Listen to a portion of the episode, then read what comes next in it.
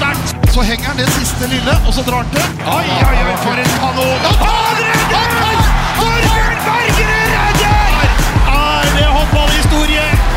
Ja, velkommen til den 17. utgaven av Kommentatorbua. Vi er fortsatt eh, her. Jeg Du er så- fortsatt her. Er Jeg er fortsatt her. og vi snakker Vi litt om det. evig, Ja, men vet du du er jeg angrer på den introen! Jeg angrer på den introen! Men jeg sitter sammen med Ben Svele, jeg sitter sammen med Harald Bredli, og vi har fått storfint besøk fra Mysen! Ja. Ja, ja. Ja. Største, faktisk. Største fra Mysen. Nå er jeg blitt størst nå.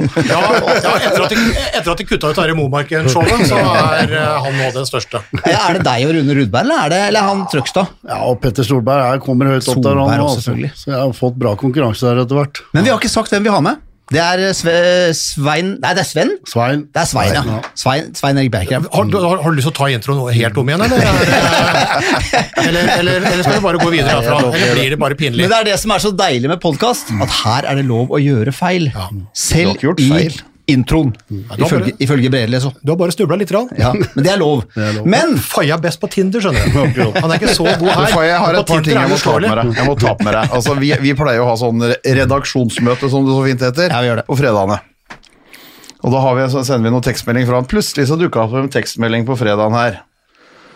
Hvor du hadde tatt screenshot av noe Tinder-greier hvor det står uh, jeg, jeg kunne egentlig tenkt meg å sett konversjonen, og så hva dere snakka om før det der svaret hennes kom, for der er- står det 'aha'. Har du, eller er du med i en podkast med Harald Bredli og Bent Svele? Og det er så da, Ja, så det er jo riktig. Uh, ja, ja, ja, men, men, men hvordan kunne da ditt Tinder-match Altså, Hadde du sagt at du var det for at du skulle være interessert, eller hva? Nå lurer Faye, før du svarer. Før du svarer. Du er altså kledd mer naken her nå enn du er på en Tinder-date. Nei, for da har jo dere misforstått. Ja, vi har misforstått. Årsaken, årsaken til at du har invitert oss i å lage pod, er rett og slett for at du skal ta deg godt ut på Tinder. Det er, altså for, Er det mulig å For oss- være så liten og nedrig? for, til mitt forsvar så er det Jeg sendte jo den meldingen til Bent, fordi nummer én, her er dere også stjerner på Tinder. Ja, men nå, Her, nå, her visste hun jo hvem dere var. Vi er jo ikke på Tinder. Kom, Ja, dere, dere, vi ikke hun visste jo hvem dere var. Og nummer to, det er første gang jeg får den henvendelsen. ja, men du, du, du får ikke den der altså Her står det 'aha'. Jo. Punktum. Faye, drar du damer fordi at du kjenner to grå gubber? Åpenbart. Helt åpenbart. Herlig. Dere, dere er fortsatt stjernegutta, selv på Tinder. Nå legger vi den død. Det var, en bra, det var en bra, et bra innspill, Bent.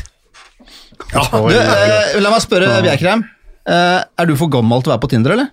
Ja, jeg er for gammel. Og så er jeg gift, Du så er jeg gift, tror det er dumt å være der. Jeg har fått med meg at det er ikke lurt å være der da. den, den, den kombinasjonen er egentlig litt dårlig. Når jeg kom hjem og spurte om jeg var litt interessert i Tinder med Susann, så sa hun at det holder unna det der nå. Med mindre du har et veldig åpent, Ja, da skal det være åpent. Så åpent er det ikke. Ja. Ja, det er bra. Jeg du skjønner at jeg får tyn av disse gutta hver eneste sending. Eh, jeg legger hodet mitt på blokka. Eh, det er viktig. Men for de av dere som ikke vet hvem Svein Erik Bjerkreim er det, De fleste gjør det, men du er en tidligere landslagsspiller. Storskytter. Du har spilt i Drammen, du har vært eh, proff i Tyskland. Nei, bare i Drammen. Bare i Drammen. Og så er du sammen, eller du er gift med en berømt håndballspiller som heter Susann Goksjør. Bjerkreim. Bjerkreim. Helt riktig. Det er litt viktig nå. Det er viktig nå. Vet dere hva? Eh, Jeg skal ikke ta livshistorien min nå, men eh, det er 25 år i år siden jeg starta med håndball. Jeg begynte med TV 2. Jeg har holdt på 20 år med, med Bent. Eh, Jeg har truffet en del håndballspillere da, og, og, og sett noen kamper. Eh, Svenna er by far den blideste håndballspilleren jeg noen gang har møtt. Eh, Den med best humør. Og det er et miljø hvor det kryr av, eh, av hyggelige folk og gode folk. Det, det er ingen som er blidere enn deg, Svenna. Det er hyggelig å høre. Ja. Ja, er og så har jeg en innrømmelse til, og det er at jeg har kyssa kona di. Ja, det er greit, det er mange som har gjort det. altså. Er det? Er kamerater, er vi kamerater så gjør vi det. Og du er kamerat, her, altså, det er helt ok. Det jeg ikke husker, var om det var tunge eller vanlig. Da skulle du være jævlig kamerat med meg. Altså. Men jeg husker at det var vått og godt. okay, ja. uh, Men jeg er litt usikker Nei, det var, uh...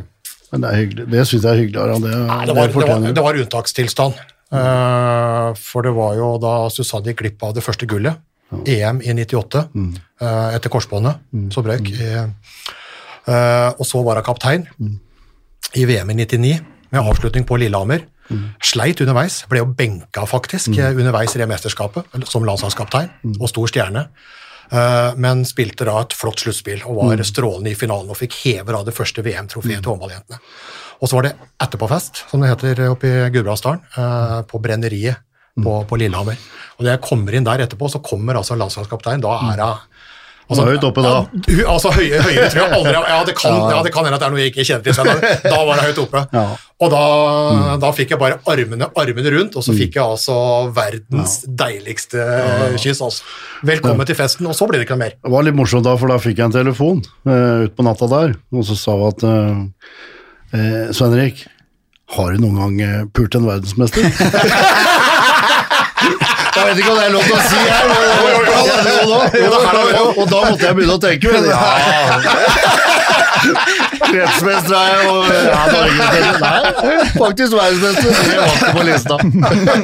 Nei, så da hadde du, da hadde du noe godt å se fram til. Ja, Ja, det var veldig bra. Ja, det, var helt eh, Men det er jo, det er jo fortsatt eh, ja, om, det, om det var tidenes da jeg kom hjem, det vet jeg ikke. Men, var, eh, men, eh, men jeg rangerer jo fortsatt. Eh, Tidenes kamp, hva er det kalt? Ja, for, for, ja, altså for, eh, for meg og, og mange med meg, så er det fortsatt, Ja, er eh, fortsatt, fortsatt tidlig. Men det var veldig greit å bare få, få godkjent det kysset, da. Ja, det er Gode minner der. Over, over, Vi, over vi, vi skal tilbake til eh, deg og dine historier seinere.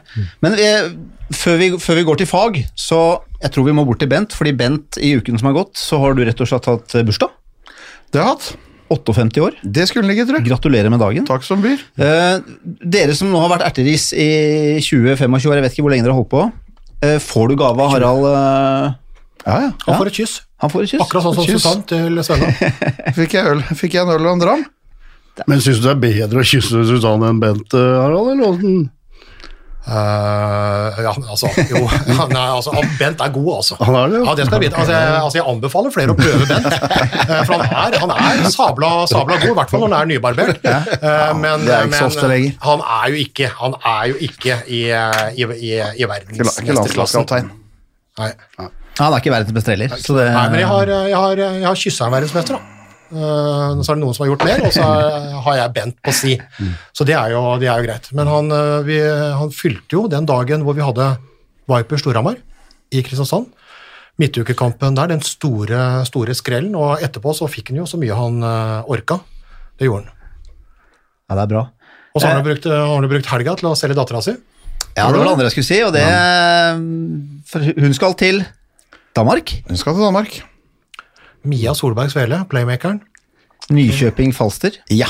Det var som jeg spurte Bent om før sending, er det du som eh, Er du far og agent? Nei, det får noen andre ta seg av, men jeg antar at du har vært en rådgiver. Det vil vi alltid være. Ja. Det vil vi alltid Han være. er far, Men det er. Han er fortsatt far, eller? Han- han- vi kan- jeg, jeg, tror ikke vi trenger DNA på det. Eh, Han er fortsatt, han er fortsatt Det far. håper jeg virkelig. Men det er jo, men sånn, men altså, det er jo, øh, det er jo veldig hyggelig for, øh, for Mia å komme til en klubb som skal bygge seg opp i, i Danmark. Eh, og så er det hyggelig for øh, Bent og Vigdis og hele familien og alt mulig. Men sånn sett fra norsk håndball, mm. den lekkasjen der er, ikke, er ikke bra. Altså, når det da er en 2001-modell, når det da er en 18-åring, blir 19 år i vår, som, som stikker, så er det litt trist. Du stikker da fra nummer to-klubben, da, som er den eneste som tør å utfordre uh, Vipers.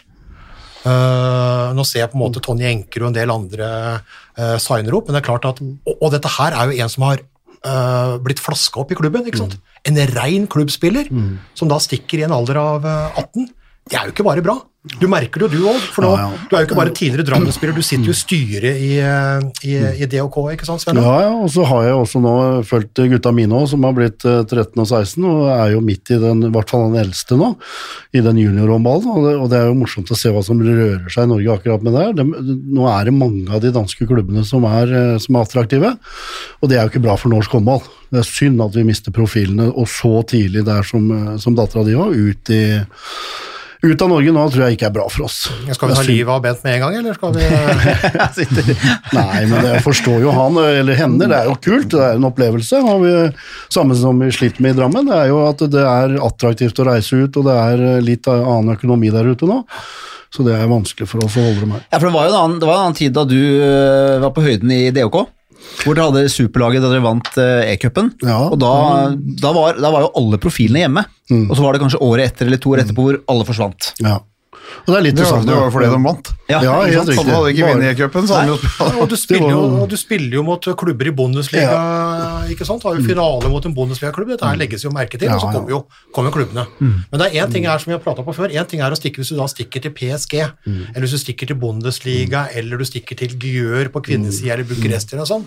Men det er den der lekkasjen til, eh, til Sverige, og ikke minst Danmark, da, som er litt sånn, eh, litt sånn vond. Nå tør jeg ikke se på Bent heller, men, eh, men, eh, men Han sitter litt Nei, men skamfull. det er jo, det, jeg er ikke skamfull over det i det hele tatt. jeg. Det er jo et valg hun har tatt sjøl, ja. og, og, fått presentert et opplegg som på en måte hun syns eh, ser spennende ut. Altså, det er klart det er vanskelig å argumentere med en som blir 19 år i april og kunne bo på 75 kvadrat midt i København, liksom. Det er, det er med all respekt for alle andre steder i Norge, så Ja, men Hadde jeg ikke vært fra Hamar, så hadde jeg vært enig med deg. Men du er fra Hamar, altså. En bedre plass på jord er det jo vanskelig å finne. så det er jo et eller annet med det. Men jeg tenker på dine Du har to gutter, ikke sant, eh, Svenna. Eh, når du da er sønn av da eh, en verdensmester, og en som hadde 300 landskamper før du ble fratatt noen, og havna nede på 296 Ja, ja. Tenk på det, ja. Ha, he, ha skapet full av sånn Hadeland-krystall, som du har fått av Håndballforbundet for 300 kamper, og så gjør de en liten revisjon, og så blir jeg dytta ned til 296. ja, Og så leverer det de igjen, gjennom media. Ja, Ja, ja, var og så- du som fortalte det, Harald. Ja, og så har han fortsatt, ja, men du har fortsatt det også, og, og du har jo din karriere. Eh, er det lett å være dem, eller? Nei, og det er litt morsomt hvis jeg, jeg Eldstemann, som er 16, fikk en liten sånn nedtur da han var 13 år gammel, som var ganske vond. For da var det sånn at han, han begynte å gråte så ofte. Eh, og så er han en brukbar spiller, ikke noe sånn klassespill, men han er bra. Men så, når vi satt i bilen hjem og gråt og hadde det ikke noe moro, og så spør jeg hva, hva er det, er ikke dette noe hyggelig lenger? Jo, men du skjønner pappa, eh, jeg må jo være best. Og da kommer jo litt de der eh, tankene der, ja, hvorfor må du det? Du er Julius, og du er jo verken mamma eller pappa. Men så sier han, ja, men helt fra jeg var så liten, liksom, en halvmeter høy, så har jo alle spurt meg når skal du på landslaget? Eh, og når du, når du hører det fra en 13-åring, så klart at det, det han har satt seg i huet sitt, og fikk jo et eh, litt sånn prestasjonsangst når han begynte å skjønne at alle ser på meg som, som sønn til henne eller han. Så klart at det gjorde noe med han, så det har vi jobba veldig mye med at han er han, og, og det er svært få som kommer på landslaget. Gjør dette her pga. at du syns det er moro, og så får vi se hvor langt det går. Så det uten tvil har påvirka han. Ja, for du har, jo, du har jo et veldig godt utgangspunkt da, altså i, i, i utgangspunktet med Goksø Bjerkreim, men plutselig så kan du jo ha en eh, sekk som er tyngre enn den eh, de bruker i Ja, ikke sant? Ja, ja. Men hvordan går det nå? Altså, det går Altså, veldig bra. Nå, jeg syns det er helt annerledes nå. Nå holder han på med håndball pga. moro. Litt sånn stolt av seg sjøl isteden, og ikke at han er sønn til noen. Og det syns jeg er bra at han har mentalt gått gjennom den prosessen der. Ja, Det er det viktigste av alt er sammen. viktig, ja. nå, ikke sant? Altså, hvis, hvis ikke du på en måte er komfortabel med det, eller hvis ikke du syns det er morsomt å holde på, så, så skal du jo ikke holde på med det. Nei. Men så klart det er vondt nå eh, med DHK-hjertet når jeg ser den ute i Bekkelagshallen, og Tom Eirik skal ha den opp der etter hvert og så. Det er ah, Vi får se, da. ja. Sett den i bilen. ja. Nei, jeg gleder meg jo til eh, Bent blir faren til Mia, og, eh, eller, eller da, Det er mye bedre. Ja. vi ender opp der. ikke hun er dattera til Bent. Ja, vi får se. Eh, Nå har det vært et landslagsuttak, gutter. Ja, Vi satt og prata med det redaksjonsmøtet vårt, hvis vi kan kalle det det. Når kommer uttaket? Og det kommer faktisk samme dag. Det kom den fredagen. Og ja, hva, hva er dommen fra ekspertene? Eh, nå er det alvor. Nå er det alvor. Ja. Ja, men det er ingen tvil om. Nå er det, altså nå For det første så var jo Norge skadeskutt når de var i Japan, det var ingen tvil om det. Og de gjorde et fantastisk mesterskap, de som, eh, de som var der. Det er det heller ingen tvil om. Men, eh, men eh, det er klart at nå når du skal inn i en OL-kvalik, så, så er det godt å ha tilbake noen av, noen av de som var ute. En Veronica Christiansen som har vært god for, god for Gjør, en Amala Kurtovic som spiller jevnt og trutt og godt for Gjør, ikke minst en Heniella Reistad som har vært strålende for Vipers. eh, God kamp igjen mot Rostov, eh, Rostov i går, så det er Nei, på lørdag, unnskyld. Så Jeg var på skøyte-VM, så jeg så kampen i går. Men, eh, men eh, Hele Vikingskipet var eh, full av fulle 60-åringer. Og han er på god vei. Er- ja, På begge. ja. På begge. På begge han matcher på begge, både full og snart 60. Og litt overraskende kanskje at Kari Olli Grimsbø, som på en måte ikke har spilt noen noe kamper, særlig kamper enda, er da inne i en sånn 20-spillers tropp. Det er jo det er, det er spennende. Og så vet vi jo at Silje Solberg har hatt litt problemer med krystallsyke, så, så de reiser vel med alle 16 utespillerne ned, og så får vi se om de tar med tre eller fire målvakter eller hva de gjør. Men dette er i hvert fall disse som skal på samling, og det, det, det er jo kanskje en, en og to som kan komme tilbake, men det er jo, jeg tror jo de fleste navnene som skal spille OL for Norge, for det håper og tror og regner vi de skal gjøre, de 14 som skal gjøre det, de ligger nok i den eh, 20-mannstroppen der. Du kan få inn en Lunde som kan, kan danke ut én, og Så så, er det vel en Nora Mørk som så er det Nora Mørk som håper og tror og drømmer. eh, og det håper jo vi også selvfølgelig på, at det vil gå bra, men, men mye av det som da skal kvalifisere Norge til OL, må også spille det OL-et. Det, sånn er det. Ja, for da har jo et par, par Viper-spillere som er skada. Først Emilie Heg Arntzen, og så Malin Aune. Eh, Men du får jo da tilbake Veronica Christiansen, så får du tilbake Amanda Kurtovic og Hene Hela Reistad. Så det er jo klart det er mye. Mm. Når du da får inn også Malm Frafjord, da, mm. tenker jo da først og fremst eh, på forsvar, og så får du inn Ålvik Grimsbø. Altså Da får du inn to spillere som, er, eh, som har to OL-gull fra før, og som er nær den der 200-klubben. ikke sant? Eh, og da merker du på en måte at OL er viktig. altså. OL er noe spesielt. Her, her, her melder de seg på. Her melder de seg på.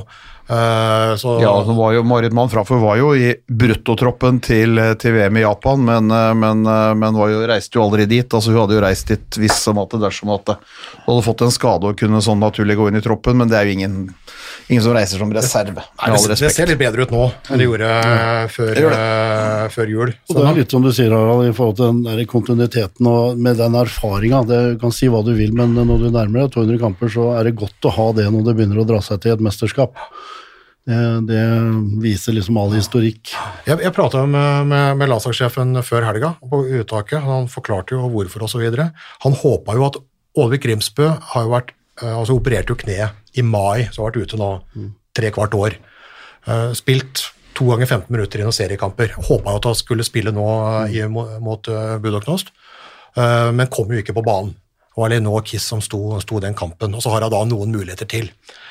Men eh, altså, Silje Solberg er jo der. Men det er klart når du ser, altså Stang Sando sto jo en god kamp nå uh, for Budoknast, og så har du Austpå Pedersen som gjør det bra i Vipers. Men det er klart, hvis du har de to da, mot en Ålvik Grimsbø, som er den som har vunnet mest gull av alle håndballspillere, begge kjønn, gjennom tidene. Hun har ni, altså. To OL, to VM og fem EM. Ikke sant? Hvis hun har spilt to kvarter, eller et eller annet sånt, men føler seg i ok form, tar du ikke med hun? Det er et eller annet med det, altså. Ja, det er eh, altså det vil, Så vil det jo avhenge sannsynligvis av Katrine Lunde og, og alt, alt med seg. Nei, jeg tenker det- på nå, jeg. Nå- nå tenker jeg på men nå, nå, tar hun henne med, tar hun meg inn for at hun skal på en måte være det. Han er usikker, men hun kommer jo dit og skal trene, og så får vi da håpe at eh, på en måte hun har en form som er, som er stigende, for det er klart, det er med ni gull i sekken, da, da hadde ikke du kommet over Birkebeiner. Du hadde ikke kommet fra Reda til Lillehammer med ni gull i sekken. Nei, men den sekken er lett å bære. Ja. Men, men det er 20 spillere her, og så sa han at han reiser til Montenegro med 19. For det er tre kamper på rad, eh, så du vil jo ha litt å, å bytte på. Og det er fire målvakter. Tre blir med ned. Så én settes igjen eh, hjemme. Eh, Du kan bruke 16, da, men har 19, eh, 19 disponible. Og du har jo bare én høyrekant, da, men det er jo fire høyrebekker her. Eh, hvor også da Skogran og Kurtovic er jo godt vant til å spille kant. Så dette her dette, dette ser ut som et lag som kan gi Montenegro og Romania noe, noe trøbbel. Men skal vi sjekke med hun Ja, du, øh, du hadde jo ordna en uh, telefondate med Malm fra fjor Ja, vi ringer opp Marit. Hun er hjemme igjen fra Budapest. Hallo? Hei, Marit. Jeg er fra Kommentatorbua-podkasten, vet du. Hei, hei. Godt hjemme, godt hjemme fra Budapest. Hva sa du? Er du øh, vel hjemme igjen etter kampen i Budapest? Ja da, det er jeg. Og i god form? Formen fin. Ja, det er deilig. Du, det var så deilig å se deg i landslagstroppen igjen. Så deilig! Ja, det er jeg veldig glad for å høre. Skal vi ta øh, applaus? Heia, heia, heia. Det er kjempeapplaus. Ja, det hører jeg. Stående ovasjoner. Eh, det trenger du ikke å kommentere, men hvordan er det å være, til, eh, være tilbake igjen? Ikke bare som, Du var jo reserve i VM, men eh, hvordan er det å være tilbake på ordentlig? Jo, det er da veldig spennende. Um, jeg gleder meg veldig til å se alle, alle jentene, jentene og alle rundt laget. Jeg har jo vært ute en stund, men det er fortsatt mange av de samme gamle som er der fortsatt. Ja, Du har vært ute en stund. Den der historikken din den begynner å ligne litt på Trine Holtvik sin, du vet det? Og her enda Jeg har vel kanskje ti comeback man, Ja, før du- jeg når opp på hennes nivå. Ja, Du men, ligger, eh, du ligger ti eller tolv comeback bak eh, Trine nå. ja. ja. Og så er jeg vel enda litt yngre, men eh, ja. Men sånn er det. det. Livet det blir liksom ikke alltid helt som man tenker. Så plutselig så kommer det noen nye muligheter. og så Det har i hvert fall lært meg at man aldri skal si aldri. Nei, det er, nei for du, du forsvant jo for oss liksom i, i 2013 der, og så var du tilbake i Rio, OL, fikk med deg EM-gullet, finalen der var den siste, og så plutselig så var du reserve i VM, og så er du tilbake igjen. Hvordan, hvordan forklarer du dette her, da? Eh, Nei, altså Etter 2016 så flytta jeg til Bucuresti. Og da snakka jeg litt med Torer i forhold til landslag, og så syntes jeg at jeg rett og slett fikk for lite tid til familie og kjæreste når jeg skulle bo i Romania. Eh, Så det var vel egentlig det. Og etter Romania så slutta jeg jo egentlig helt med håndball i et halvt år. Mm. Før jeg fikk en telefon fra Jesper Jansen i Espen som lurte om jeg kunne tenke meg å komme og spille litt forsvar for dem eh, etter jul. Og det tenkte jeg nå egentlig hørtes fint ut. Det var masse nordmenn i Esberg. og altså, så jeg, kjent, jeg følte jeg kjente mange på laget, og det er ikke så veldig vanskelig å komme inn i et lag. Eh, det var vel egentlig det. så da starta Jeg hadde jo egentlig fått meg jobb, eller jeg jobber, jeg jobber for så vidt fortsatt eh, i kombinasjon med håndball. Så jeg har fått en hverdag til å fungere veldig bra i forhold til et alminnelig arbeid og håndball ved siden av. Ja, karriere er forlenga, altså det er helt uh, strålende. Men, men den jobben du skal gjøre i Montenegro, da? Du tenker at du skal binde sammen et forsvar? Ja, jeg håper da det. Uh, Det er vel forsvar som stort det har vært det som har vært best eh, når jeg har spilt håndball. Så, eh, og jeg har jo spilt mye i Esberg, og vi spiller Champions League i år, så jeg føler jeg at jeg har et eh, ok nivå inne. Hvis det på en eller annen måte kan være med å, å styrke forsvaret for Norge, så håper jeg at jeg kan hjelpe med et eller annet der. Du kommer til å gjøre det, gutter. Hæ? Ja, det er, det er ingen tvil om har vært, har vært strålende, syns jeg, for, eh, for Esbjerg. Altså. Som du sier, hun, hun ble jo henta inn for å være en forsvarsspiller, men har vært ganske mye over midten den sesongen her. Altså. Lage mål og først framme i kontringer, og det er jo, det er jo mye, det er jo en yngre mål fra fjor, hvis du tenker tilbake, så, så syns jeg det har sett sånn ut. Så det, det har vært kjempemorsomt å se. Er comeback på alle. eh, Dette her gleder jo deg litt fra nå, Svenna. Du vurderer ikke comeback sjøl, eller? Jeg vurderer nå, men jeg er ikke på det nivået ennå. Det, er, eh, det er noen år siden nå, altså. Det er hyggelig med Marit. Veldig, veldig. Vi gleder oss veldig til å se deg nå. Men du er ikke redd for at kona skal stikke hjemmefra? Nei, jeg tror ikke det. blir Susann blir hjemme. Ja. Men det er veldig... Du, vet du hva, Marit? Nå kommer du jo mest sannsynlig i 200-klubben. Ja, det kan godt være. Jeg stoppa jo på 197. Ja. Så Tre kamper, vi får i- se. tre kamper i Montenegro, så blir du nummer 19 i 200-klubben uh, gjennom tidene. ja, ja, det har også vært eh, Det hadde vært artig, ja. Ja. Og når du kommer på 300, så stikker jeg hjem til Svenna og Susann, og så henter jeg det der krystallet fra Magnor, og så får du det. Takk, det gleder jeg meg til. Ja, du, vi, du, vi gleder oss til å, til å se deg, altså. Takk for praten. Jo, selv takk. Jeg gleder meg sånn til å se dere. Ah, du er altfor søt! Du er altfor søt! Takk skal du ha! Ha det bra. Ha det bra. Hei, hei. Nei. Yes, Det var Marit Malm Frafjord. Nei, Ikke på Tinder, eh, eller det, eller Ja, det nå- vet jeg ikke. Men du, nå du, har vi holder, lagt men, men den du, Tinderen Faye. Faye, du holder deg unna, for nå trenger vi faktisk eh, Hun sa hun hadde kjæreste, så da, da, er ikke det, da er ikke det så interessant Ja, for henne. det er, Uansett flott at hun, hun er i banen. Det er, eh, det er fantastisk. Hun og er har gjort, det- gjort det godt etter å altså blitt henta opp som pensjonist, spille litt forsvar på våren. Ny kontrakt, tilbake igjen også, og, og slåss for en OL-plass. Det, det er klasse, altså, det. altså en ting er at det er, jo, det er jo en tidligere landslagskaptein, dette her. Altså Med også skuffen full av gull. Hun har jo alle valører, hun også. To OL og EM og VM. Men uh, eh, eh, litt sånn rart. Altså Én ting er å på en måte slutte på landslaget, og så fortsetter du i klubb. Men når du slutter helt, er et, eh, et halvt år ute, sivil jobb og kjæreste og alt mulig, og så bare plutselig så blir du henta inn igjen. Og så ikke det at du bare eh, står i forsvaret og bryter litt eh, et par måneder for å hjelpe til litt. Men plutselig så er du på landslaget. Det er jo, det er jo vakkert. Hæ? Men samtidig er det deilig å sikkert hun følte på den der indre motivasjonen og det savnet der. Eh, og når du ikke har vært borte lenger, så, så er ikke det noe vanskelig når du er i så god form som mener det er. Tror jeg det er en uh, lett oppgave. Ja. Det jeg glemte å spørre Marit Mann Frafo, for hun har jo lang fartstid både internasjonalt og nasjonalt. Jeg hadde lyst til å spørre egentlig, men Vi ringer ikke opp igjen nå, men jeg har lyst til å spørre om hun husker tidenes skrell i norsk håndball. På, på dame, damesiden? Ja, vi har jo Svenne her, så vi kan jo ta med herrene òg, men ja.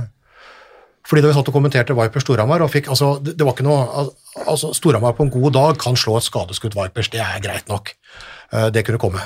Men elleve mål hadde de ikke tankene.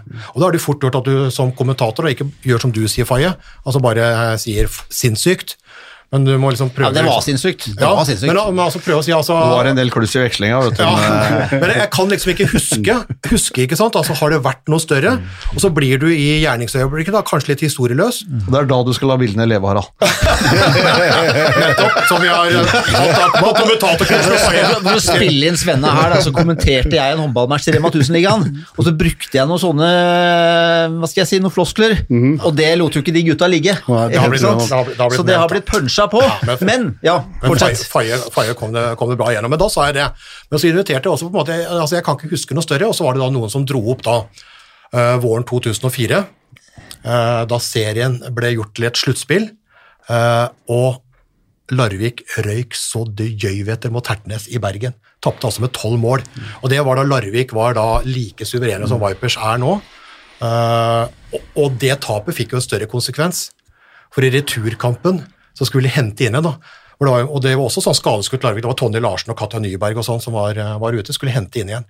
Eh, Starta på minus 12 og henta inn 11. 11 mål. Eh, og kom da ikke til den uh, sluttspillfinalen, for der var Tertnes og Nordstrand.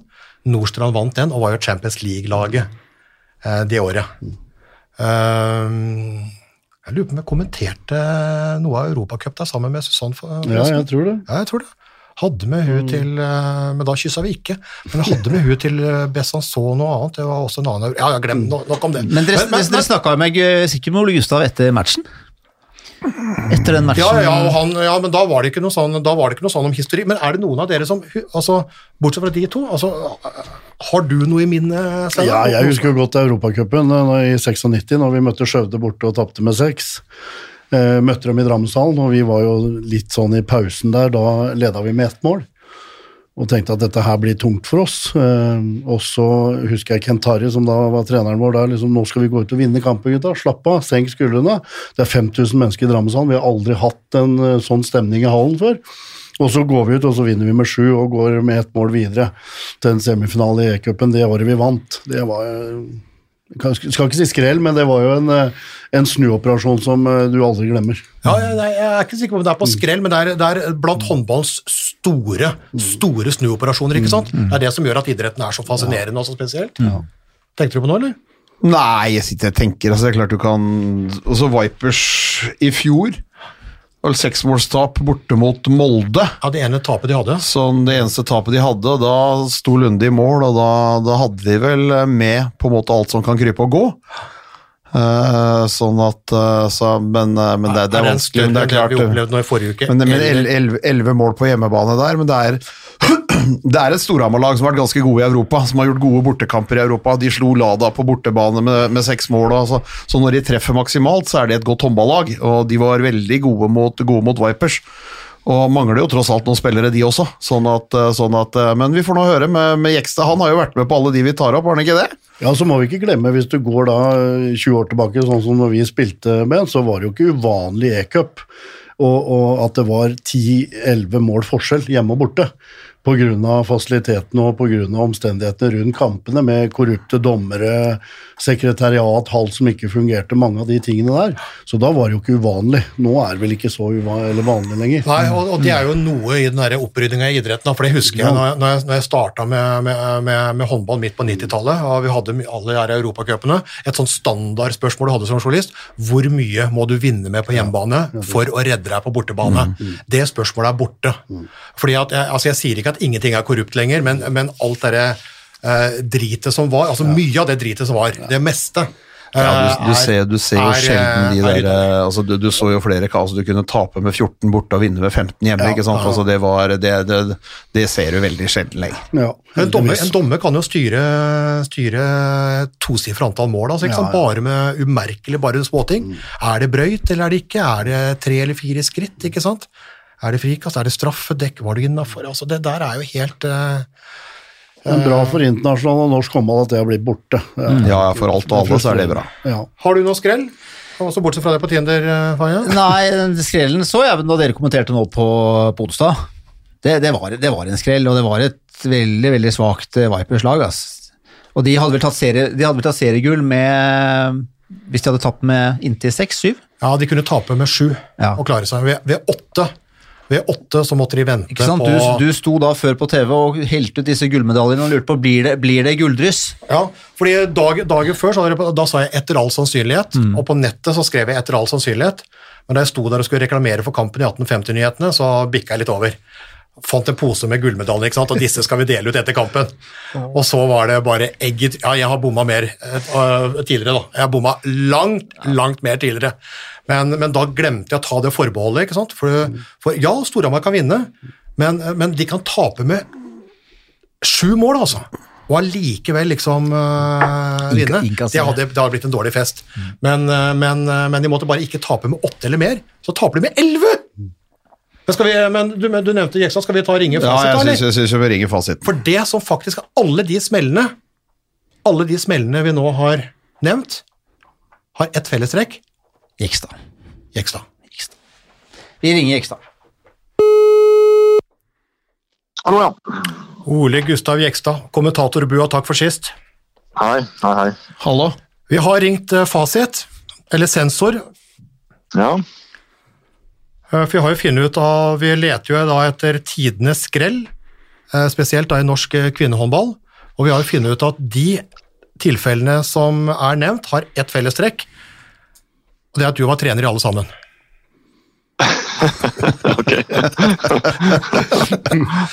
men, men, men den positive sida da, Ole Gustav, er at fordi at hvis det skal være en skrell, så er det jo på en måte en storfavoritt som ryker.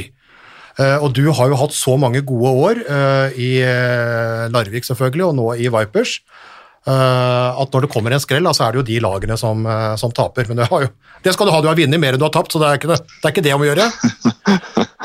ja det er godt. Det er godt. Men vi har altså diskutert det som skjedde i forrige uke i Kristiansand med den uh, Storhamar-kampen.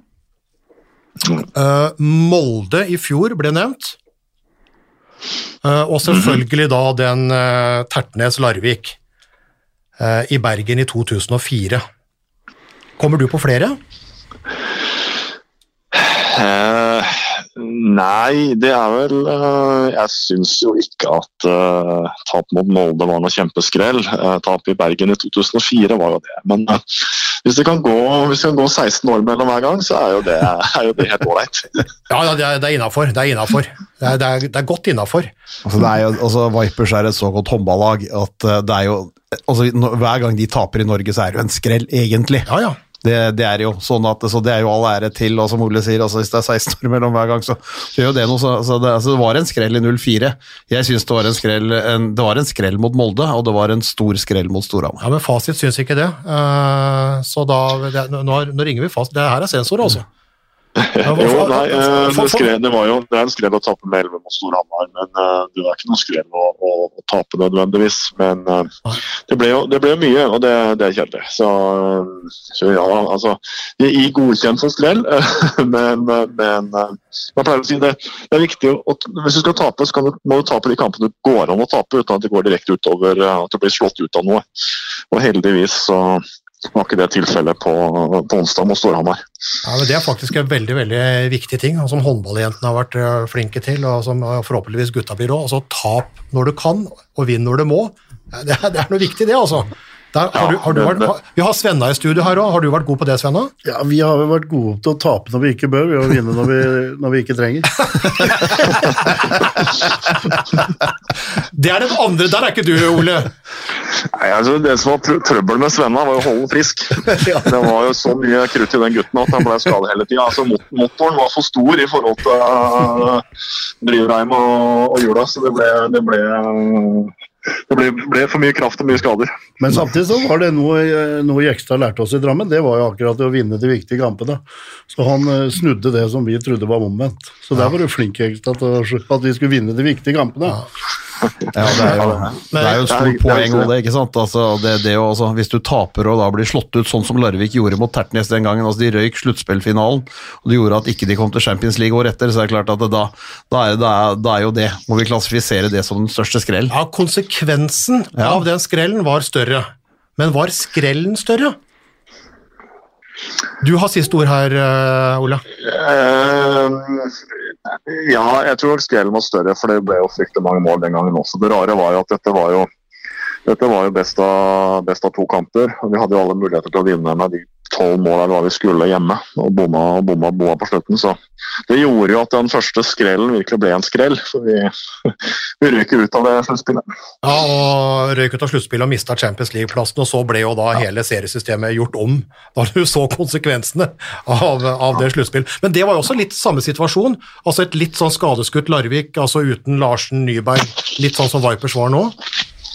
Ja, det var det, men, men det der er jo aldri noen unnskyldning, for man har vunnet mange kamper i en sånn situasjon også. så det er jo, det er jo ikke, Målsetningen endrer seg jo ikke selv om man har noen skader. Eh, og Hvis man bruker det som unnskyldning, så får man man mange unnskyldninger til å tape. Så, og sånn, så, så, sånn er det jo. De fleste, fleste har noen skader. Ja. Men, men fasit er altså at tidenes største skrell var da den Tertnes Larvik en vårdag i 2004, større enn den Storhamar i forrige uke. Ja, Er vi ikke enige om det? Jo, jeg, jeg er enig i det. Jeg, jeg, jeg, eh, jeg klarte ikke i noen For jeg, var så uforberedt på at den skrellen skulle komme i forrige uke. At mitt historiske arkiv eh, Jeg klarte ikke å bla i alle arkivmappene der, eh, men ble minnet på den etterpå, og jeg er enig. Skal vi da si at kommentatorbua med da fasit og sensor i hånd bare slår fast at den, første, den største skrellen er fortsatt da Tertnes Larvik 2004. Vi holder på den. Ja. Og bilen går bra? Bilen går fint. Nå skal vi snart inn og, inn og trene. Det er jo Storhamar er ikke eneste kampen vi har tapt uh, denne måneden, så vi, eller, eller denne, den siste måneden. Så vi må øve oss litt nå fram mot uh, Fredrikstad på onsdag. Ja, for det har, eh, det har ryket litt i, i Champions League, da, så der skal man jo nå bare forberede litt neste år. Og, og gullet kan vel sikres da i Fredrikstad nå i, i midtuka? Ja, det kan jo det. Så vi får se om vi har gjort den jobben. Ja, og så kommer vi ned vi kommer ned når gullmedaljen Vi har, vi har litt uoppgjort ikke, skjønner du, vi har det er jinxing av det, da. Nei, vi har litt uoppgjort i Kristiansand, så vi, vi, vi, vi fikk jo ikke med oss gullfestet, så vi kommer ned igjen når dere møter Aker. Ja, det er herlig. Det er herlig. Det er bra. Ja, men Vær litt snill, da. Ja. Det er greit. Takk skal du ha. Fint. Snakkes, Ole. Ha det godt, da. Ha det bra. Ha det. Den alltid så sindige Ole Gustav Jekstad der. Han er sindig selv når han er sint, han. Ja, du kjenner ham jo som trener, eh, Svenna? Ja. Jeg er en eh, profesjonell trener med Har en litt sånne tørre vitser, men eh, han, han er også en morsom fyr. Men eh, gjennomført profesjonell. Så bra. Men han nevnte den der konstruksjonsfeilen hos deg. Ja, det er jo det jeg var mest kjent for som verdens sterkeste håndballspiller. Det, det ble jo brukt imot meg. Men det var også en stor svakhet jeg hadde i forhold til at jeg på slutten ble mye skada. 85 landskamper, men det burde vært mye mer. Ja, det burde vært mye mer. Eh, Jeg var jo med i 16 år, så jeg burde hatt flere enn det. Ja, ja faktisk fra, fra 91 til, mm. til 2003. Avslutta da faktisk med en av våre verste landskampopplevelser. Du avslutta med den der fiaskoen i Portugal. Husker jeg ikke engang. Nei.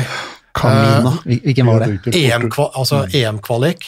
Og Serbia, eller? Nei, Portugal. Portugal. Portugal. Portugal som, nå, nå i EM så var jo Portugal bra, men den gangen så var det jo søppel. Eh, og du fikk da det inn i, i kvalik til neste, neste mesterskap, og det var vel da det EM-et som skulle komme i Slovenia, var det ikke det, tro? Uh, Ja, det, er- men, men eh, vant med 23-19 etter en sånn halvgod kamp eh, hjemme. Så skal du bare ned der og vinne der, ikke sant? Altså, det var jo ferdig. Eh, litt sånn, altså, du, vin, du, du vinner altså fire hjemme, og skal bare hente det borte, så taper med seks. Og det var hele gjengen, altså. Det var liksom eh, Det var Steinar Ege, og det var Glenn Solberg, Frode Hagen. Frode Hagen og Sven. Det var full pakke, altså. Og full krasj. Det var en av, eh, en av våre verste lands. Og det var din siste landskamp, altså? Som du har fortrengt? Kanskje en grunn til at det var den siste, eller? Men jeg husker jeg, det er en, en annen en. Det var ganske tidlig i min karriere. Jeg var i Tel Aviv, i Israel. Det måtte ha vært eh, på slutten av 90 90-tallet. Jeg fant ikke noe statistikk på at du scora, men jeg mener at du scora. Og jeg husker Gunnar Pettersen og jeg kommenterte, og vi satt altså helt nede på gulvet. Altså Det var nesten ikke pass. Altså Når du, når du, du, du tegna opp 40 ganger 20, da, så hadde du akkurat plass til benkene. Du måtte liksom stå inntil veggen der. Og så satte de altså et sånn Respatex-bord nede på linja på motsatt side. Så vi satt inntil veggen, så vi hadde akkurat plass til ett bord og to stoler. inntil- Og da subba bordbeina linja på eh, arenaen. Så vi satt helt nede på gulvet. Så jo bare rett inn i rassen eh, din. Det var ikke gærent. Det var en bra, en bra ras på den tida og da, da var jo Svenna på høyrebekken ikke sant? og gikk opp. Og, altså, du, sto, du kunne ta på den, altså, ikke sant? men da gikk, gikk Svenna opp og så tror jeg han feide en ball i mål, og så bare kommer han løpende forbi kommentatorboksen inn der. Så bare tar den der Lucky look-greiene. Han bare tar skuddfingeren og så bare sånn, sånn altså, altså revolveren oppi, bare blåser av kruttet, og så bare, put, altså, gjør, bare putter nedi, nedi Det var, det var vel signa, det var signaturen til Svenna, det var underarmskuddet, tenker jeg. Ja, det var Vridd opp i kortet. Ja, jeg likte den. Men du Harald, jeg liker veldig godt at vi kjører en liten eh, sånn Svenna-spalte nå. Vi skal jo videre på Rema 1000 og litt Champions League. Skal vi ha Svenna-spalte nå? Ja, vi er jo inne på Svenna. Ja, fordi jeg har et lite esse i ermet skjønner du. Ja. Uh, som, som jeg ikke har Nå, nå sitter han og, og lurer på hva, hva er det Faye har funnet på nå, og det, det skal jeg fortelle nå. Fordi hvis dere kan ta på dere headsetet deres Ja. Det er ikke sikkert at vedkommende i andre enden etter- Er Susann? Er det Susann? Hei! Hallo, Susann. Det er Faye her. Halla! Du, nå veit jeg at du har håndballtrening med gutta om seks minutter. Ja, det er riktig. Men jeg sitter jo her med din kjære ektemann, vet du. Og dine to gode venner i Bent Svele og Harald Bredli. Si Ja, hei til Susann, gutta. Det er litt av en klubb du har der, ja. Så, så jeg veit vi må være kjapp her, men vi er jo Jeg, jeg snakka med deg litt tidligere, og så spurte jeg jeg må si det til Svenna, så spurte jeg Susann hva er det, Kan du dra opp én kul historie med Svenna? Og så sier Susann med en gang Jeg veit ikke, men han har jo så mange historier, men han er ikke så jævla god på å huske bursdager. Og så sier jeg Susann, den må du fortelle. Nei, øh, min mann har veldig mange flotte, flotte kvaliteter, men akkurat det der med å være oppmerksom på sånne ting, det, det, er, eh, det er kanskje ikke hans styrke, da, kan vi si. Men øh, da var vi i hvert fall eh, i år i Kroatia, og hele håndballaget var på håndballskole. Vi var nedover med 26 familier. Og alt var veldig hyggelig. Og så har jo jeg da bursdag midt i denne fellesferien, så jeg har vel egentlig aldri vært veldig bortskjemt med at folk husker hvilken dag det er sommerferie. Men denne dagen så hadde jeg stått opp tidlig sammen med Eltemann, som da skulle på denne håndballskolen, og så lå da Stein Erik og yngstesønnen igjen eh, på rommet. Og så har jeg en venninne som er Hun er veldig opptatt av sånne ting og krever litt om oppmerksomhet. Hun kaller seg sjøl for dronninga. uh, så hun ja, så hun kommer bort til bordet mitt der jeg sitter og spiser frokost og sier «Å, 'Gratulerer med dagen! Å, har du fått frokost på senga? Oppmerksomhet av gutta dine?' og sånn. Og så jeg nei, nei, eh, eldstemann er jo på, på trening, og de to andre ligger og sover. Og hun blir jo helt, eh, helt eh, sjokkert, og, men, og ordner og setter opp noen blomster på bordet, og tenner lys og tar en kaffe med meg mens jeg spiser frokost. Og så, og så går det en stund, og så kommer jo da min kjære ektemann og min yngste sønn, Jonathan. De kommer sånn med bagen på skulderen og posten i eh, hånda. Ja. Eh, og så ser de jo disse oppdager disse fantastiske blomstene som står på bordet. Og så er Erik smiler og blikk mot da Katrine, min venninne, og sier 'Nei, har du fått blomster? Ja? Så jeg han med bra hyggelig stemme. Og så blir jo Katrine litt for, for, for, for forkjamsa, og så rister bare stille på huet og peker på meg. Og så kikker han på meg og så sier han, Helvete, er du fått blomster for deg? Og så går han Det ringer ikke helt sant! Å, faen. Nei, så da eh, Men eh, det var jo før Svein Erik var aktiv på Facebook, så hele, alle familiene hadde jo fått med seg at jeg hadde bursdag. Men bare ikke Svein Erik. Så før jeg kom ned på den tennisbanen, så hadde jo han blitt gratulert av hele selskapet med sin kones bursdag. Så da måtte jeg snu, og så måtte jeg gå opp og, og gratulere. Nei, jeg kan kjenne meg litt Men du skal, du skal vite det, Susann, at nå er han rødere enn en tomat i Spania. Eh, og jeg lurer på om han svelga gifteringen sin akkurat nå.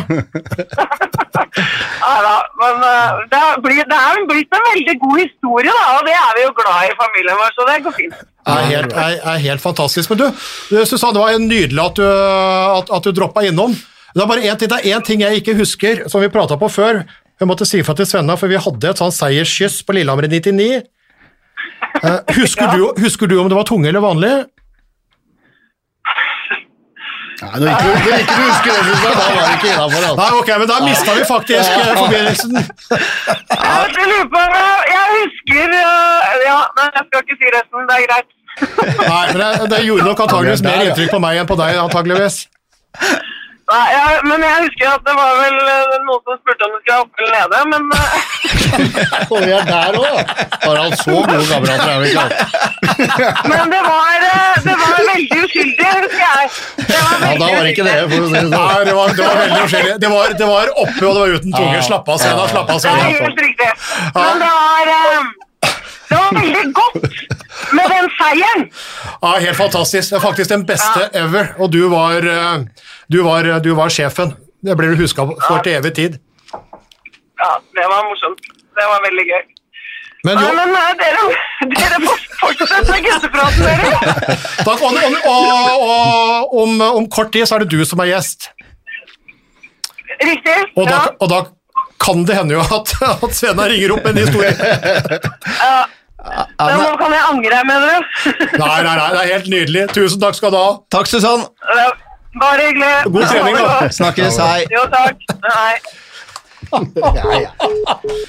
Ja, sorry, Svenna. Jeg, jeg klarte rett og slett ikke å dy meg. Nei, den tar jeg. Den har jeg hørt så mange ganger, så den uh, tar jeg for laget. Ja, vi har vel alle vært Jeg skulle til å si alle vært der, men jeg er ikke helt sikker på å ha vært der. Nei, jeg, ikke- altså. For Jeg har ikke vært der. Har du vært der, Bent? Nei, ikke, Altså, ikke, ikke, ikke, vært ikke der. Ikke der.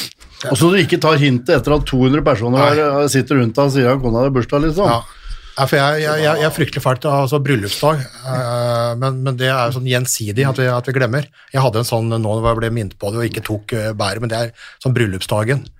Men jeg kommer liksom på, på bursdagen til yngstedatter òg, så liksom fokus er litt annerledes. Men mamma passer på meg. Nå er det mamma 85 år. Hun sender meg alltid tekstmelding om 'husk på bursdag nå i ja. morgen'. Bryllupsdag da. Så nå, nå har du bygd opp et støtteapparat. Ja, nå har støtteapparat. Ja, det er viktig, det. Støtteapparat er viktig, Det er viktig. på alle mulige måter. Ja, Nydelig. Ja, det var en liten digresjon, men eh, jeg hadde en, jeg hadde en date, eller en, ikke en date, men en avtale med Susann.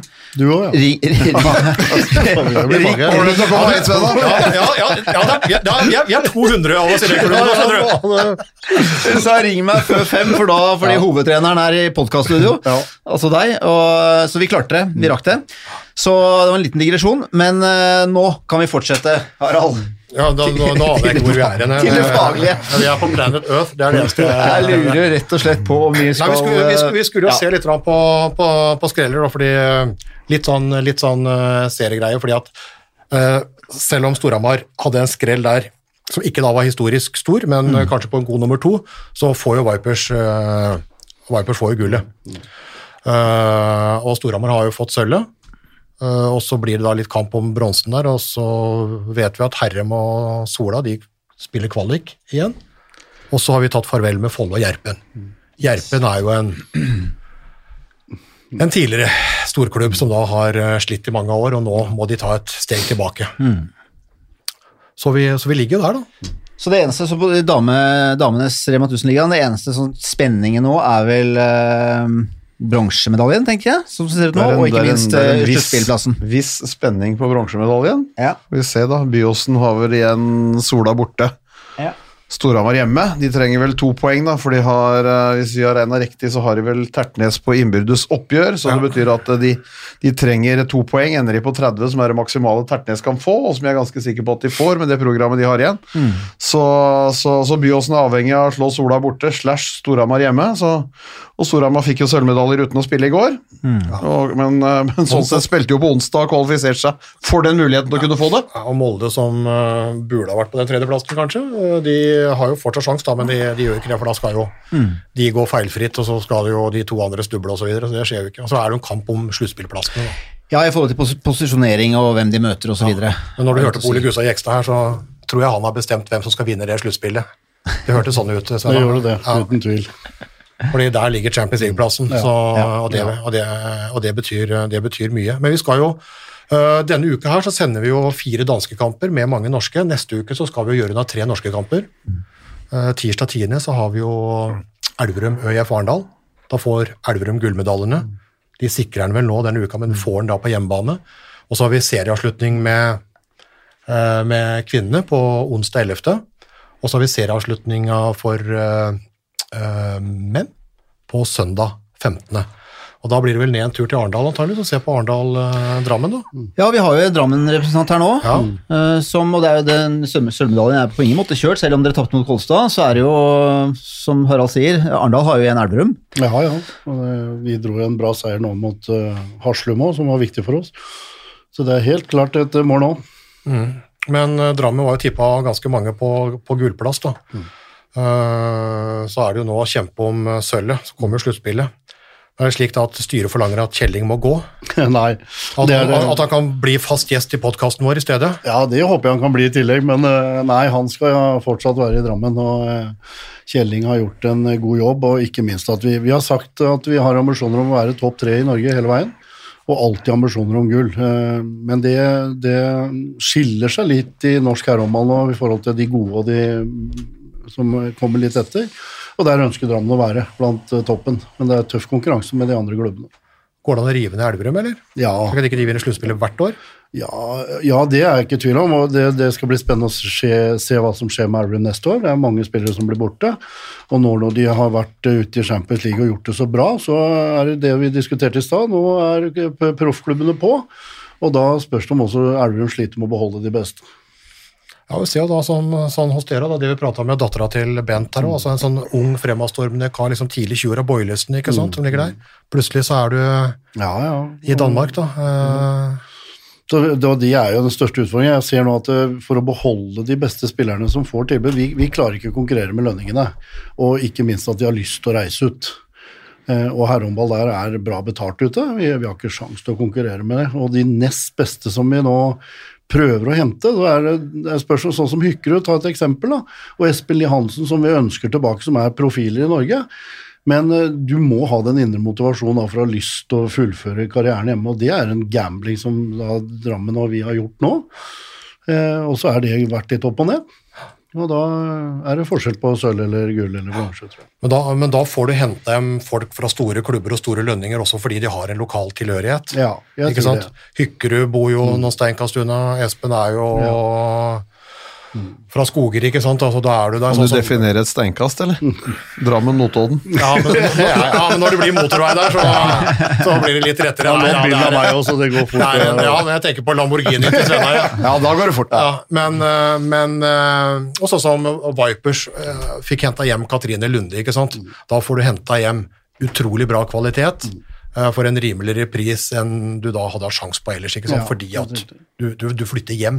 Det er jo det som er, altså når folk, når folk er på tampen der og ønsker, og ønsker å være med og bidra, så, så er jo det, så er det jo da hjemklubben som veldig ofte får, får under forutsetning av selvfølgelig at de har et, har et godt sportslig tilbud. Det var jo Larvik var jo de som på en måte henta hjem alle de proffene som hadde, eller profilene som hadde vært ute og kom tilbake til Norge, endte jo opp i Larvik fordi at de var det eneste laget på en måte som, som da kunne gi de det sportslige tilbudet fra det nivået de hadde vært. altså Dit kom Gro, dit kom Katja Nyberg, dit kom Blanco, dit kom Marit Malm, dit kom Leganger. altså Du kan nevne opp, altså Alt dukka jo opp der, ikke sant? og det gjorde jo også at de holdt Nora Mørk, Amanda Kurtovic lenger i Norge fordi at de da var med og gjorde den Champions Champions League-biten. Så Larvik var, var flinke på det den gangen og hadde lite konkurranse med hvem, det, hvem som, Det hvem som er kanskje litt stygt sagt mot Larvik, da, for det var flere ting enn det, men, eh, men de vant jo Champions League eh, rett etter den danske finanskrisa.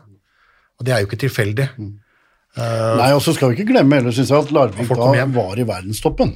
Jo, jo, ja, Det, er jo ingen, det er jo ingen norske herreklubber som har vært i verdenstoppen, så det også synes jeg er et element. Det er eh, selvfølgelig et, et, et, Fordi at da. Drammen, da, Drammen da altså, jeg, jeg husker det som det var i går, der eventyrlige 96-sesongen. Mm. Det er klart Den vant Citycupen, altså. altså. Det var jo da den Ja, ja. Challenge Cup nå, altså fjerderangerte Europacupen, ikke sant? Men det var stor ståhei. Men, men det, det handler jo Husker Det var ikke bare at jeg, jeg har kyssa Susann, det er, faktisk, det er jeg litt stolt over, men jeg kyssa faktisk Frode Skeie òg. men det husker jeg, det var i panna, da. Men det- men- Eh, da, er du, da er du ivrig, altså. Da syns du, det er- da syns du det er bra. altså. Du kysser Frode Skeie. men, men jeg tror den 96, den E-cupen på den tiden, det handler om at da var jo ikke norske lag De hadde jo ikke for vane å gjøre det bra i E-cupen. Så det var en sånn Europacupen var Europacupen. Og, og liksom, så hadde du møtte du plutselig lag som PSG.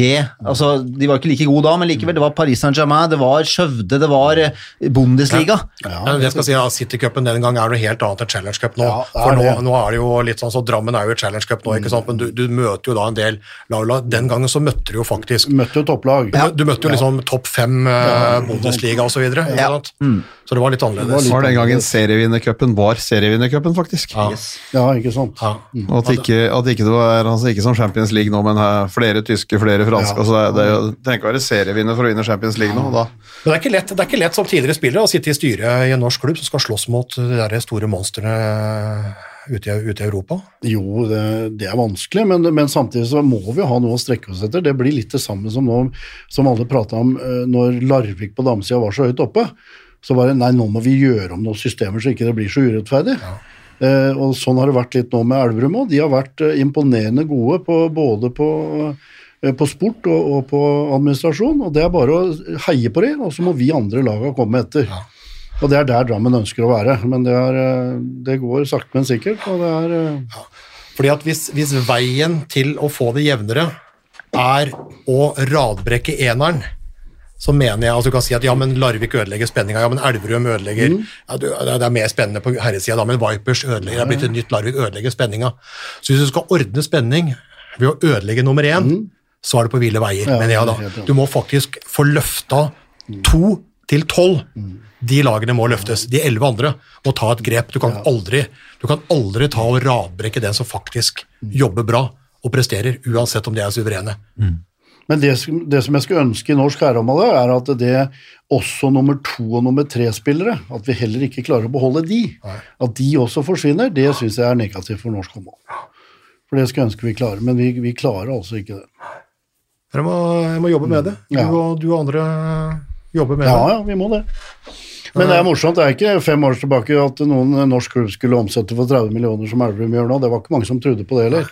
Så det er fullt mulig i Norge. Og når vi ser på den eh, interessen som nå har vært på Elverum, med Champions League og fylte opp eh, hallen oppe i Hamar der, eh, så har det jo vært Potensielle ligger der. Og det ser vi jo på mesterskapet òg. Det er jo fantastisk interesse. Avstand, avstand til europatoppen har jo blitt, uh, blitt større, sånn som Ja. det er i fotball med norske lag, Champions League. Sånn, der Rosenborg alltid var inne, og nå er de jo aldri inne. Uh, håndball nå, ikke sant? avstand blir større, men jeg syns jo at, at norsk herrehåndball har tatt en god del eh, steg i riktig retning da, de siste sesongene. Ja, så viser det på en måte, og så viser Elverum at det er mulig. Det, er, altså, det, det, det må jo være på en måte den, den største befrielsen egentlig for de andre som sitter der og skal, skal prøve å få Ja, det kreves penger, ja, det kreves arena, ja, det kreves publikum, ja, de er Og så Alle sier at de er heldige, for det er bare det folk driver med på Elverum, men de er jo dritdyktige. Ikke sant? Altså, Den lille flekken der ved siden av Glomma Ja. omsetter for 30 millioner kroner, det er, det er masse folk i hallen, de engasjerer godt utover byen og byens grenser og fylkesgrenser når de da sånn sett møter, møter det. Så den jobben de har gjort er jo, er jo formidabel. Ja, fantastisk. Og, og, og det er jo mulig å strekke seg etter for andre. Bare å heie fram. Ja, ja, ja. Og Aalborg er nå inne i åttedelsfinale, ikke sant? Ja, det var eh, Kampen i går start, altså det, det så ut til at Elverum skulle få det tungt, men eh, det ble, spenn, det ble faktisk veldig spennende på slutten. Hvis dere alle så kampen. Ja, nesten, nesten da, men ikke sant? Det ble som vanlig, nesten. Ja, nesten. Men for all del. Men fra, også- men fra åpningskampen hjemme mot Aalborg, som Elverum spilte, hvor de på en måte var naive og ikke, ikke i det hele tatt var i nærheten av det som skulle være, og tapte med, med tosifra antall mål på hjemmebane, så er det klart at de har lært ekstremt mye av å spille i den AB-gruppa mot de gode laga hele tida. De greier å gå inn og gjøre ting, altså de har utvikla seg sjøl, spillerne har skjønt på en måte litt hva det går om, du kan ikke bare lukke øya, løpe og skyte, men du må bruke huet mye mer, så jeg syns de har hatt en veldig positiv utvikling da, som lag i den, i den fasen. Det skal bli spennende å se da om laga som er bak der, altså ØF, Drammen, Kolstad som var litt oppe og nikka, om det er en mulighet til sluttspillet, eller om de tar den nok en gang. Men du, eh, nå vil vi snart ha en kopp kaffe og litt mat, men vi må pumpe, vi må pumpe Svenna for litt eh, historier eh, før han går. Ja, det syns jeg. Altså, det er ikke bare kona hans som skal, som skal fortelle historier om, litt, eh, om Svenna. Det var et, Men det var et bra bidrag, altså. Ja, det var det. Strålende bidrag. Så Svenna, har du noen kaniner du kan trekke opp av hatten, eller er det sånn historiemessig, altså? Ja, vi har jo noen der, det er jeg helt sikker på. Jeg synes det er det som kom fremst i panna. Ja. Det er ikke alt som egner seg på om vi kaller det podkast eller radio eller hva det er. Så det er mange av de historiene som vi må sensurere litt. Men jeg skal prøve å dra den litt sånn pent. Det er jo når, med landslaget så er det sånn at du holder debutanttaler. Eh, og da er det jo sånn at du skal mm, helst da fortelle om den første gang du hadde sex. Og hvis ikke den var noe bra, så skal du helst ljuge på en bra historie. Og så er det jo sånn at eh, vi må se an eh, hvor vi tar de historiene. og Noen ganger så er det sånn at vi har banketter etter landskamper. Og da sitter du gjerne med ordføreren, og du sitter med, kanskje med damelandslaget, og det er liksom litt hyggelige og seriøse middager. Og andre ganger så er det bare gutta, da kan du jo dra den litt ut. Og så har vi en, på, en i Drammen som også var proff i utlandet, som heter Øystein Johansen. Eh, som var en forsvarskjempe for Norge eh, i mange år.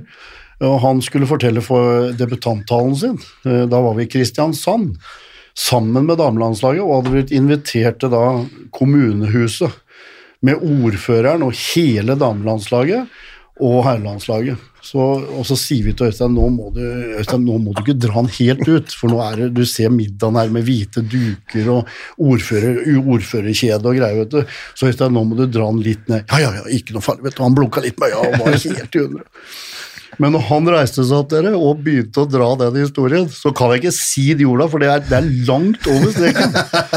Men når han begynte å fortelle at første gangen jeg hadde sex, vet å fy faen, jeg var så kåt, vet du, ikke sant? og så dro han, og han brukte liksom detaljer på den dama, på hvordan han da hadde sex første gang, så du så det ordkjedet, eller ordførerkjedet, det skragla opp i enden av bordet, og så sitter jo jeg siden av Mari Breivik, og hun hadde med niesa si på åtte år.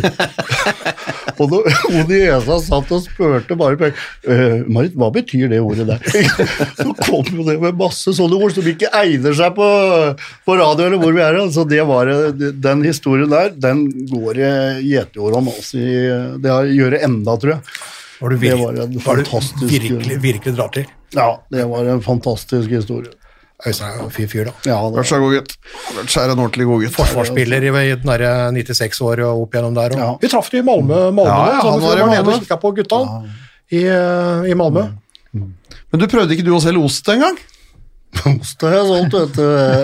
Svenna er er kremmer. Svenna er kremmer, ja. Svenna er kremmer. Ja, det veit jeg. Han har solgt pølser òg, han. Ja, Svenna selger alt, han. Det eneste han ikke har solgt, er Susanne og Ola. Og gutta. Ja. Husk på det, det verste med Susann der, når jeg fikk lov til å være manager for Susann, så spurte jeg, hun, hun har jo aldri vært eh, den som har utnytta liksom, navnet sitt til noe som helst. Og så hun ble sammen med meg, så sa jeg Susann, er det mulig med det navnet ditt nå, og så mange forespørsler? Og spurte om jeg kunne være manager, og det fikk jeg lov til, og det var det siste gang hun ga meg muligheter, var når hun skulle være med i Skal vi danse. Og jeg, da solgte jeg Susann. Da var det ganske bra med inntekter. Men det som jeg gjorde det beste på, det var at eh, i ett av de danseshowene så er det sånn at du kan Du har fri antrekk, det er ikke sånn danseantrekk, du har sånn fridans. Og det jeg gjorde der, vet du, da ringte jeg jo til sponsorene og så ordna jeg en landslagsstart med helt andre sponsorer. Og de betalte ganske mye penger, for da sa jeg det er jo det er én million seere i beste sendetid på TV 2. Så du lagde, du lagde egne Jeg lagde da en drakt. Og det fikk jeg jo ikke lov Jeg visste jo at det, der, det er ganske strengt, men hun hadde jo kjole da på utsida og drakta på innsida. Og så er det jo direkteserie. tenkte jeg dette her kommer til å gå bra. Så sa han ut og danse, og så skulle hun kaste av seg den og bli en håndballspiller midt i dansen. Og det gjorde hun, ikke sant? Med kamera rett på, med fin drakt, vet du, med masse bra sponsorer. Og jeg satt bare og telte penger der. Det var, og fakturaene bare ramla ut. Så det var, en, det var en bra ting, altså. Ja, du er, du er, det er du er, du er dyktig med den der osten, med den der osten. Men den osten, vet du, det, var- det var morsom. Den var, jeg, jeg alltid liksom fra mamma Jeg kommer fra et sted hvor vi ikke hadde så mye penger, og var å lære seg å tjene litt penger sjøl. Så jeg lærte meg tidlig det, og da hadde jeg en kompis Jeg hadde vel nettopp fylt 18 år, tror jeg, bodde på Mysen og hadde en svart Opel Manta da. Og, eh, og så var det sånn at eh, jeg kunne få kjøpt litt ost, billig gulost. For de kappa den osten, og da ble det noe sånn kapp da, når den firkanten ble borte, så var det en del kapp. Og så spurte jeg, ja, men den kan jeg kjøpe. Ja, men du må kjøpe liksom litt større partier. Ja, ja, så tenkte jeg, jeg reiste inn vet og leide henge på skjell, og reiste bort til fabrikken. og så, men så, så skjønte jeg, du må kjøpe et halvt tonn. Du må kjøpe 500 kilo. Skorper. Med sånne Osteskorper? og- Osteskorper. Å, fy faen, og det, det var litt mye enn det jeg hadde tenkt på. Men jeg dro jo, jeg fylte opp denne skjellhengeren med ost da. Og så fikk jeg søren meg, gutter, reist og delt opp denne i sånne strimler, sånn pizzaost. Og så reiste jeg rundt med en Opel Manta og en skjellhenger. Og reiste jeg rundt, først så begynte jeg med sånne kebabsjapper, men de lo jo bare av meg, vet du. Jeg ville jo, faen er det du skal selge? Men så gikk jeg ned på Peppes, jeg. Og så sa jeg at du, jeg har en halvkilo Nei, jeg har halv tonn ost. Kanskje du skulle kjøpe Så sier han ja, men du skjønner ikke, vi har sånn der sentralavtale med litt ost, da. Ja, men det kan du få av meg også. Jeg kjører overalt i hele landet. Men gutta, da tror jeg hadde spist ostesmørbrød de neste to åra. For den skjellengeren etter hvert hjemme da, så begynte osten liksom å renne litt ut på siden der. Og, men fra, liksom fra Synnøve Finnen gulost til litt sånn gammelost og muggost etter hvert, det var Men det ble ikke noe suksess, Nei, altså. det, det var ikke noe suksess, men du, har- hatt en del suksess ellers. Du har vært flink. Ja, da, det har vært noe som har vært bra. Men det var det jo, altså nå sitter du og styrer, men du var jo daglig leder i Drammen en periode. Ja. Altså, altså din, din klubb. Og det skal iallfall fordi Drammen hadde den der suksessen vi har pratet på med Europacupseieren i 96, og tross alt vinner noen pokaler, men de var jo helt nede. Altså, Hvor langt nede var uh... Ja, da var vi jo konkurs, og det, det var en uh, utfordrende og morsom rolle, for da tenkte jeg at ok, her, her har jeg egentlig ikke noe å tape. Uh, klubben var ferdig. Også, og da trådde jeg til, og det var en fantastisk periode hvor jeg fikk med meg mange mennesker, og jeg, det var litt som vi sa, jeg var vel den første når jeg gikk ut og sa at eh, Drammen Håndballklubb skulle være den første klubben i Norge som omsetter for 10 millioner. Eh, og det var ingen som var i nærheten. Da var Larvik på seks. Og vi blei den første klubben som omsatte for 10 millioner. Og du starta på, Eh, Og da starta vi på to. starta på to. Så gikk det tre år, så hadde vi 10 millioner kroner. Og da var vi en solid klubb, syns jeg. Da hadde vi fått stabla opp, og vi hadde 128 sponsorer igjen, og det var, da begynte det å bli litt trøkk i Drammen igjen. Og da henta vi jo hjem Glenn og Frode fra profflivet, fra Barcelona, og gjorde det jo bra. Så det, det var en morsom periode å være med på, uten tvil. Jeg- jeg Og det morsomste der, det må jeg si, det var når vi hadde EM. Når var EM i Drammen for herrer? 2008. 2008. Eh, da forhandla jeg Da kjøpte jo vi, eller jeg, eh, arrangementet, EM-arrangementet hjemme i Drammen. Og det var litt morsomt, for eh, Per Otto kanskje han hører på, men han tåler den, tror jeg. For da var det sånn at vi forhandla, jeg kjøpte vel det for x antall hundre tusen, det arrangementet. Da hadde jeg også alle billettene til hjemmekampen i Dramshallen. Og det er sånn at eh, alle sponsorene og Norges Sommerforbund skal jo ha x antall billetter. Eh, og da har du ikke lov til å gjøre Du har jo ikke lov til å ta påslag på billettene. Men da var det jo sånn at de, vi hadde jo ingen da ordinære billetter, vi hadde jo bare VIP. Så vi hadde jo 4500 VIP-billetter i Drammenshallen. Så når forbundet da skulle kjøpe tilbake disse billettene, istedenfor 400, nå så kosta de 1400. Det husker jeg, det blei ikke helt godt mottatt i forbundet. Når, når, når, Ja, per Otto er jo mange, mange, er mangeårig generalsekretær og nå seniorrådgiver han var, ikke, han var ikke så fornøyd med deg da. Nei, jeg husker det, vi gikk noen runder da, altså, men de var fornøyde. Altså. Vi satt jo opp det sirkuset Arnardos-teltet i Drammenshallen. Det lukta litt hest der, men, men 11 millioner for en VIP-billett, vi syns ikke det. Jeg, jeg, husker, jeg husker jeg var på den åpningskampen mot, uh, mot Russland, og jeg, jeg var også i det teltet. Det vil si jeg og noen kompiser vi sneik oss inn, for du måtte egentlig ha sånn armbånd, Ja. men vi klarte å snike oss inn. Da kan du faktere han for Ja, 1400 det kan kroner. du også gjøre. Og da renter det i ti Da skal jeg ha litt ost tilbake, men, uh, og så var det et sånt kult coverband der, da, men det var, det var en god fest. Ja. Det var det. Og bra arrangement. Det var et morsomt arrangement. Men du er en, du er en kremmer, men du dro uh, Drammen faktisk uh, opp og fram igjen. Skal for det. Ja, det kosta litt, var- det var en tøff uh, jobb, men Ja, det gjorde det. Ja. Jeg fikk en liten nedtur etter hvert der og måtte ta en pause. ja, du, er en av de, du, er en av de som er kjent, du er en av de som er kjent på veggen. Ja, jeg var det, altså. Og da, som Supermann, om du tror du er Supermann og, og ikke noe som biter på deg, så var det tungt når ikke jeg ville gå ut av huset. Og ligge i senga og Susanne og alle. Det var ikke noe moro å være med meg da. Og det var ikke noe moro å være meg sjøl heller. Så det har vært en lærerik prosess. Ja, så det jeg kalte altså, tidenes blideste og mest humørfylte håndballspiller, har også, har også hatt sine downs, altså. Men nå er det opp igjen! Nå er jeg oppe igjen. Fy fader, Det, det, er- det, det er vel det mange bef hva skal jeg si, tenker om deg, Svein Erik. i forhold til Jeg har sett noen bilder hvor du sto og Det var en sponsortur hvor du gikk med sånn forkle og, sånn, og, og delte ut drinker og, på flyet Ja, ja. til alle sponsorene. Og det er klart at det skaper jo stemning. Ja, Så jeg syns det var moro. det var vel kanskje det det som var koster, var... det koster jo å jobbe dag ut og Ja. dag inn for å, for å nå. Tøffe, tøffe tak, det der. Ja. Det er det. Det er en, det er en, altså det er en 24 timers uh, i døgnet. Du er, du er på 24-7, 365 dager i året hvis du går inn og tar en sånn type jobb i en, uh, i en, uh, i en håndballklubb. Så, så ille er det. Og så syns jeg det er morsomt, sånn som med Bent. da, Jeg, jeg kom jo til Frens på ski som 18-åring da i, i 89, eh, og da var jo Uredd en av de store klubbene, og Bent var jo en stjernespiller. Så jeg husker jo det veldig godt når jeg kom med hockeyhår og langhåra og og ingen visste hvem jeg var. Eh, Hvem er han derre Harry Keiva som kommer der? Når de skulle spille mot. Fredensborg. Og da var jo Bent en av de store stjernene i Norge, og jeg husker vi var i Uredalen hvor det var en fantastisk stemning. Så det, det er gode minner jeg har, og ikke minst mot Bent. Var du en av de eh, på motstanderlaget til Uredd som fikk ei klyse med sånn håndballklister i hockeysveisen? Berge. Berge. det. Ja, jeg vet det. Christian Berge fikk det. Landslagssjef Christian Berge fikk det jo som ung, ung jypling. Ja, men det, det var seinere. Altså, når, når jeg og Svenna spilte, når vi var på, da hadde alle hockeypledd. Ja, ja, det Det er forskjellen. altså. Når, Berge, når Berge og Tormod Mollestad var der, så hadde de, de var de eneste som hadde langt hår. Så da, da tente Per Kristian Michaelsen til. Da fylte han begge skoa med lim, og så var han ute og dro litt i fletta. Og så var det jo morsomt, det første VM jeg var med i 1993, i Karlstad, og da skulle vi jo gjennom Mysen. Og da hadde jeg blitt mobba i alle hvor er Mysen og alle der, og når Rune Erland og, og Roger Kjendalen og Øystein Havang, alle de store stjernene som var med da, med Gunnar Fossing i spissen, ikke sant, så hadde jo Gunnar Pettersen da sagt at uh, på vei til VM nå, så skal vi ha én time i Mysen. Og jeg gleder meg, og da skal jeg forberede det. Eh, og det eneste kravet var at eh, jeg skulle handle i Wonderbound. og så skulle de da hilse på faren min, for han hadde noe så planker av noen hender som alle hadde hørt om, så da skulle de hilse på han. Og så skulle vi kjøre gjennom Mysen, og så skulle jeg pipe hver gang jeg hadde hatt sex i de huset. og det var morsomt, og vi da stoppa på Mysen, og jeg hadde handla en 25 Wonderbaum, og så sto pappaen min på, på bussholdeplassen, og han visste egentlig ingenting. Jeg bare spurte om han kunne komme der.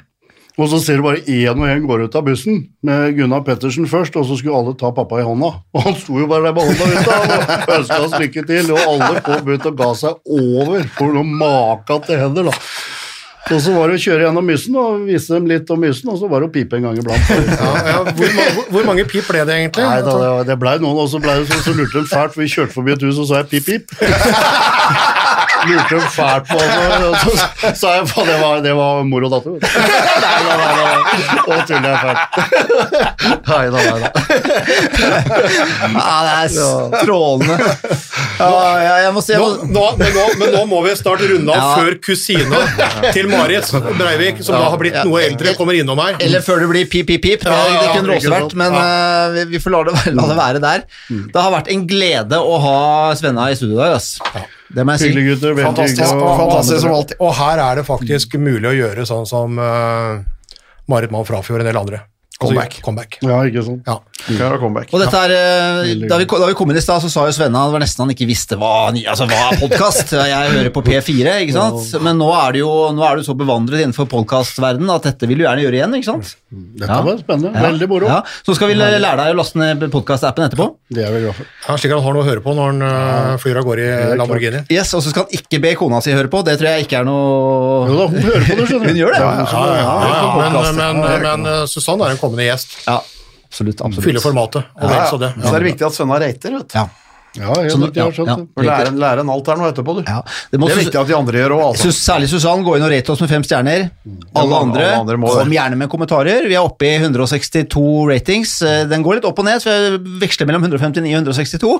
Men Men Bare fortsett. Nå, når vi skal opp nå, gutta. Ja, Nå- når vi har- har- nå- nå må Når vi har skal hatt besøk av det, så kommer Svenna til å selge den ratingen opp jeg ha Trenger ikke å tenke på det. Men litt provisjon. er det noe, provisjon der her, så Ja, ja, det, ja, ja, ja, ja, vi fikser det det. kommer til å gå bedre enn ost. ja, og, for de, og for de som hører på som har lyst på ost, kontakt Svenna. Helt riktig.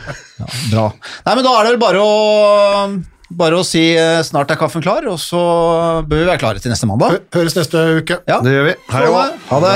Oi, oi, oi, oi, oi. Det er råsterkt. Så henger han det siste lille, og så drar han til. Oi, oi, oi, for en kanon. Han redder! Torbjørn Bergerud redder!